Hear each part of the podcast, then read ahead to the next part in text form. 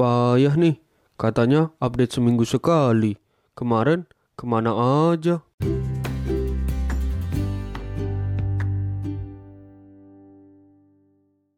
Iya Ber, iya. nah, buat teman-teman yang belum tahu, tadi yang di opening itu Ber. Yang sekarang megang Instagramnya belajar bareng finance. Dia mulai mainan reels juga tuh di sana. Jangan lupa teman-teman buat follow Instagram kita ya. Oke, jadi kemarin-kemarin itu kenapa saya nggak upload? Karena kayaknya saya ngerasain yang namanya apa ya? Psikosomatik kalau nggak salah namanya. Rasanya tuh badan gak enak banget. Mood juga jadi gak enak. Kayaknya gara-gara denger banyak orang-orang deket yang kena covid. Jadi kebawa kepikiran tuh.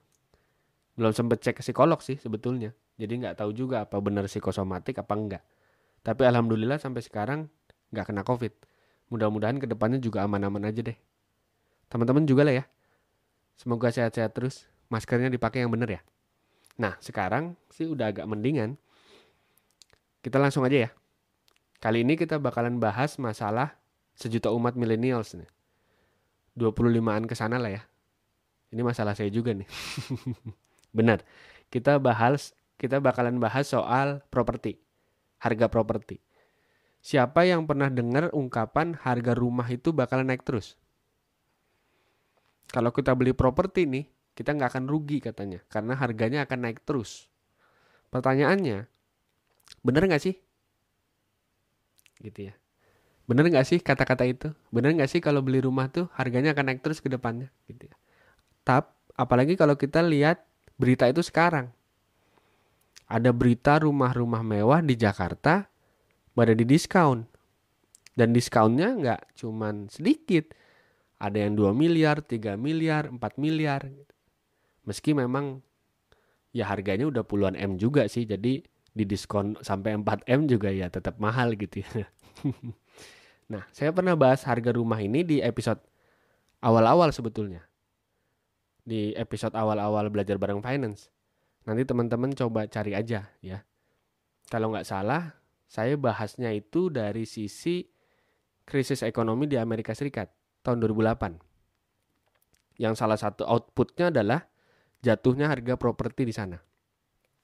Fenomena bubble atau gelembung. Jadi saya bukan kayak ahli-ahli dadakan yang bikin konten pas harga aset gitu ya naik pas harga saham atau bitcoin naik bilang tuh kan naik gue udah untung sekian sekian gitu ya tapi giliran pas drop dia rugi dia diem diem aja gitu ya itu mah semua juga orang bisa gitu ya episode itu saya udah bikin dari Juli 2019 tulisan blognya sebetulnya udah lebih lama lagi malah. Tapi nggak laku blognya. garis besarnya sih gini. Di episode itu ya, garis besarnya adalah gini. Adalah krisis di Amerika Serikat waktu itu, di tahun 2008 itu, yang disebabkan oleh lingkaran setan sebetulnya. Masalah awalnya adalah naiknya harga rumah. Yang kedua adalah praktik MBS. Apa itu MBS? MBS atau mortgage backed securities adalah menjual kumpulan aset keuangan mortgage. Atau sederhananya begini. Ini ada kumpulan tagihan-tagihan KPR nih yang ada di bank. Itu dikumpulin tagihan-tagihan KPR itu kemudian dijual kepada pihak ketiga oleh bank. Gitu ya. Nah, ini adalah cara bank untuk mendapatkan uang lebih cepat tanpa harus menunggu bayaran dari nasabah tiap bulan. Dan masalah finalnya adalah karena harga rumah tadi naik terus gitu ya, purchasing power masyarakat turun. Gitu ya. Dan itu muter jadinya. Institusi keuangan yang udah beli MBS dari bank ini jadi macet pendapatannya gitu ya. Nah, efeknya adalah ekonomi drop. Ekonomi drop, harga rumah jadi terus drop. Nah, karena ekonominya drop tadi, purchasing power masyarakatnya juga makin drop lagi gitu ya. Nah, harganya makin drop lagi harga rumah gitu ya. Nah, makanya disebut ini sebagai fenomena bubble gitu, karena pecah. Yang tadinya harganya membesar, membesar gitu ya. Harganya naik, naik, naik, akhirnya pecah, turun. Nah lengkapnya dengerin di sana aja nanti ya. Di episode 8 kalau nggak salah. Teman-teman cari aja. Mungkin 8 atau 9. Nah episode ini, ini episode lanjutannya, episode barunya gitu ya. Nah pertama-tama kita bahas dulu deh. Kenapa sih sampai ada anggapan bahwa harga properti atau rumah itu akan naik terus? Argumennya yang selalu dipakai pasti adalah supply and demand. Permintaan dan penawaran. Benar ya? Setiap manusia pasti butuh nih rumah gitu ya. Kebutuhan pokok manusia kan sandang, pangan, papan. Manusia butuh nih papan, kita butuh nih papan gitu ya. Sedangkan tanah itu limited gitu ya. Argumennya rata-rata yang dipakai begitu. Tapi harga rumah yang makin drop sekarang ini sebetulnya mengatakan yang sebaliknya kan. Harganya turun terus tuh. Gitu ya. Nah, apakah harga yang turun terus ini menandakan bahwa manusia sudah tidak butuh rumah lagi? Manusia tidak mau beli rumah lagi. Begini. Sebetulnya banyak orang yang suka kelupaan soal demand ini. Kita bicara demand, kita bicara permintaan.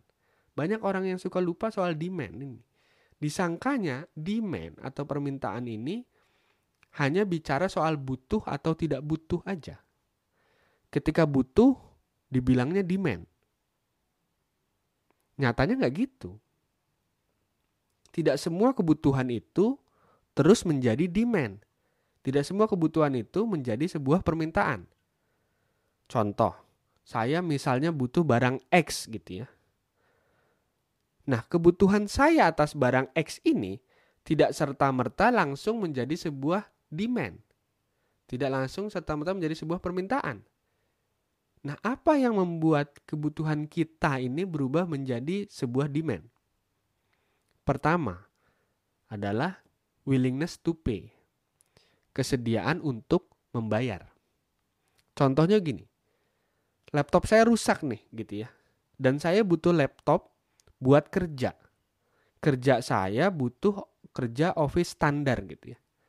Ya paling butuh RAM agak gede sedikit plus udah SSD gitu ya. Nah dengan kebutuhan saya tadi, kalau kemudian saya disodorin dua produk, yang, sat, yang satu ini laptop standar office dengan range harga 8 sampai 15 juta, dan saya juga disodorin MacBook Pro yang harganya 30 juta, kira-kira saya willingness to pay-nya bakalan beli yang mana? Iya, yang 8 sampai 15 juta tadi gitu ya. Ya, itu yang namanya willingness to pay. Atau contoh lain lagi gini. Soal willingness to pay. Misal ada laptop 15 juta. Dia sudah komplit. Sudah ada Windows-nya ori. Sudah ada Office-nya ori sudah terinstall semua, tinggal pakai. Dan ada laptop harga 12 juta tapi masih DOS.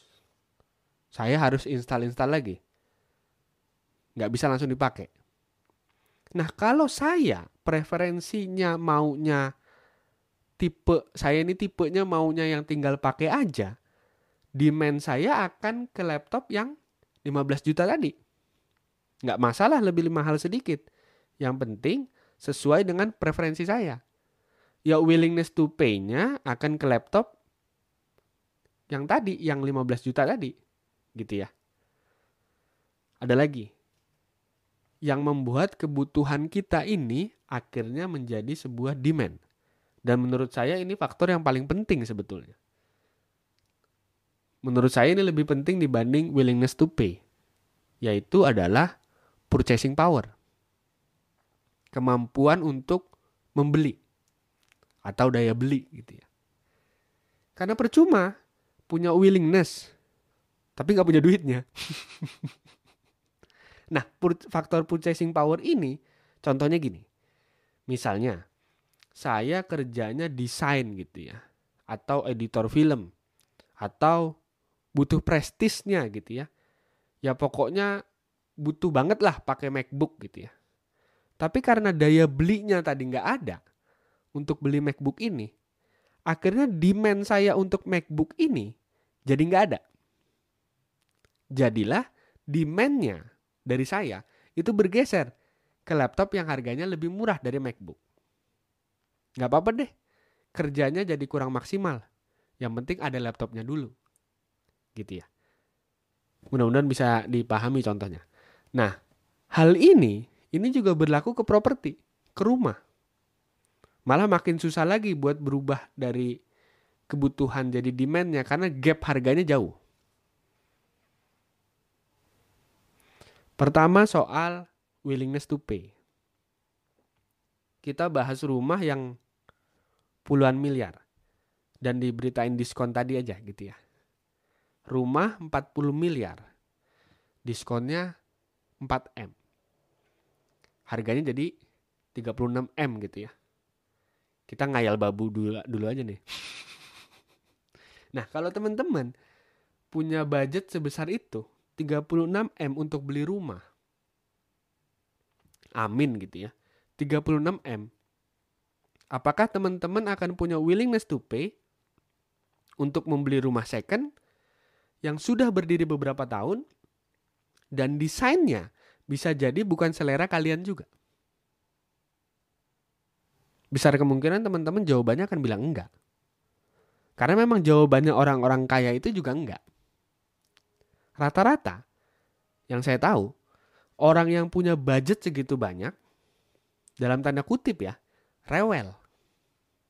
Rewel ini dalam artian bukan cengeng gitu, tapi rewel ini dalam artian setiap bagian barang yang dia beli pasti maunya sesuai dengan preferensi dia nggak sebatas ah saya mau rumahnya model minimalis atau ah saya sukanya model klasik Eropa gitu. Enggak.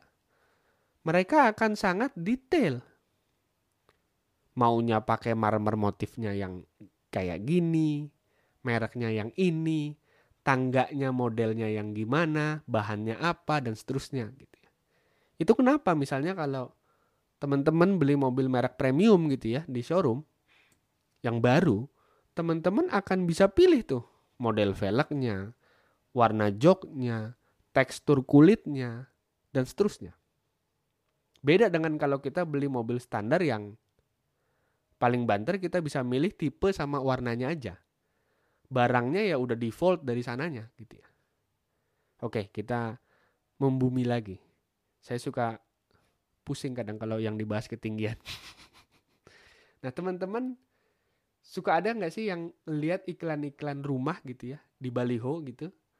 Tulisannya nih biasanya harga mulai dari satu miliar. Harga mulai dari 2 miliar. Tapi lokasinya ada di ujung dunia. Nah mungkin secara budget apalagi kalau ngambilnya secara KPR gitu ya ada gitu budgetnya berarti purchasing powernya ada gitu ya tapi pertanyaannya punya willingnessnya apa enggak karena ya percuma juga misalnya dekat pintu tol gitu ya. Tapi akses kantornya dua jam lebih di jalanan. Itu juga kadang definisi dekat dengan pintu tol kita sama developer itu kadang suka lain. Ada yang bilang 5 menit akses pintu tol. Pas kita survei sendiri, tahunya setengah jam lebih. Karena ternyata macet aksesnya. Nggak taunya 5 menit itu maksudnya adalah kalau kita jalannya jam 2 pagi. Kan males ya. Akhirnya banyak yang willingness to pay-nya geser dari beli rumah di ujung dunia tadi ke ngontrak atau ngontrak rumah atau apartemen di dekat kantor. Biar nggak tua di jalan juga gitu ya. Apalagi kalau kita ngomongin faktor yang purchasing power soal daya beli. Nah teman-teman mungkin juga udah baca ya. Indonesia sekarang itu turun lagi. Jadi negara dengan penduduk dengan pendapatan menengah ke bawah. Belum lagi selama pandemi ini juga jumlah orang miskin di Indonesia naik lagi. Banyak yang kena PHK, banyak yang usahanya harus tutup karena PPKM, pendapatan banyak yang berkurang, Jelas kalau kita bicara soal purchasing power, sekarang ini ya lagi turun-turunnya gitu ya. Bahkan kalau kita kesampingkan dulu soal pandeminya deh. Ternyata banyak dari kita yang kerjanya di sektor informal gitu ya. UMKM. Bahkan kerjaan idaman anak muda zaman sekarang. Influencer gitu ya. Kan ini masuknya ke informal gitu ya. Memang bisa besar dapatnya. Tapi tidak rutin. Nah, saya beberapa kali dengar cerita beberapa YouTuber bahkan sulit untuk dapat akses ke KPR. Padahal mungkin mereka-mereka ini UMKM, YouTuber, bulanannya lebih gede loh dibanding karyawan. Tapi bank sulit untuk kasih mereka akses pembiayaan. Kenapa? Karena risikonya mereka juga besar gitu ya. Begitu juga dengan teman-teman yang kerjanya di sektor formal pun kadang nggak masuk gajinya dengan syarat minimum KPR. Karena sebelumnya tadi, developer-developer ini pede banget naikin harga rumah terus. Senin harga naik, Senin harga naik. Itu terus diulang. Akhirnya harganya naik ketinggian. Yang mau yang mau beli, yang mau yang punya nih willingness to pay-nya. Pengen nih gue beli di situ tapi dia tidak punya purchasing power. Nah, ketiadaan daya beli ini kan sebetulnya jadi mengurangi jumlah demand-nya, mengurangi jumlah permintaannya gitu ya. Bahkan jangan-jangan bisa jadi sekarang jumlah supply-nya properti yang dijual di pasar sekarang jumlahnya lebih banyak dibanding demand-nya. Jadi nggak heran kalau teman-teman lihat harga harga properti ke depan mungkin akan turun lagi. Terutama untuk properti-properti yang selama ini harganya sudah terlalu tinggi gitu ya.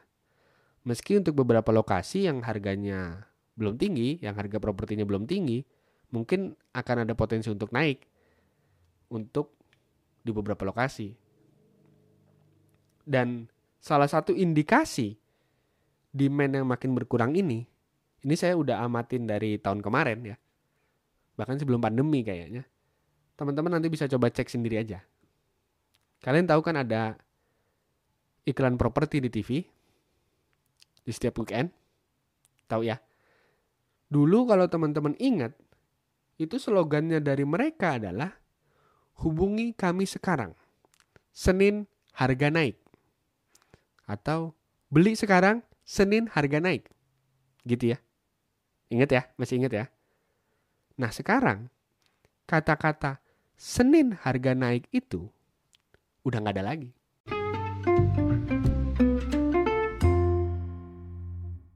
Sekian dulu podcast belajar bareng finance kali ini. Jangan lupa di follow dan di share ya.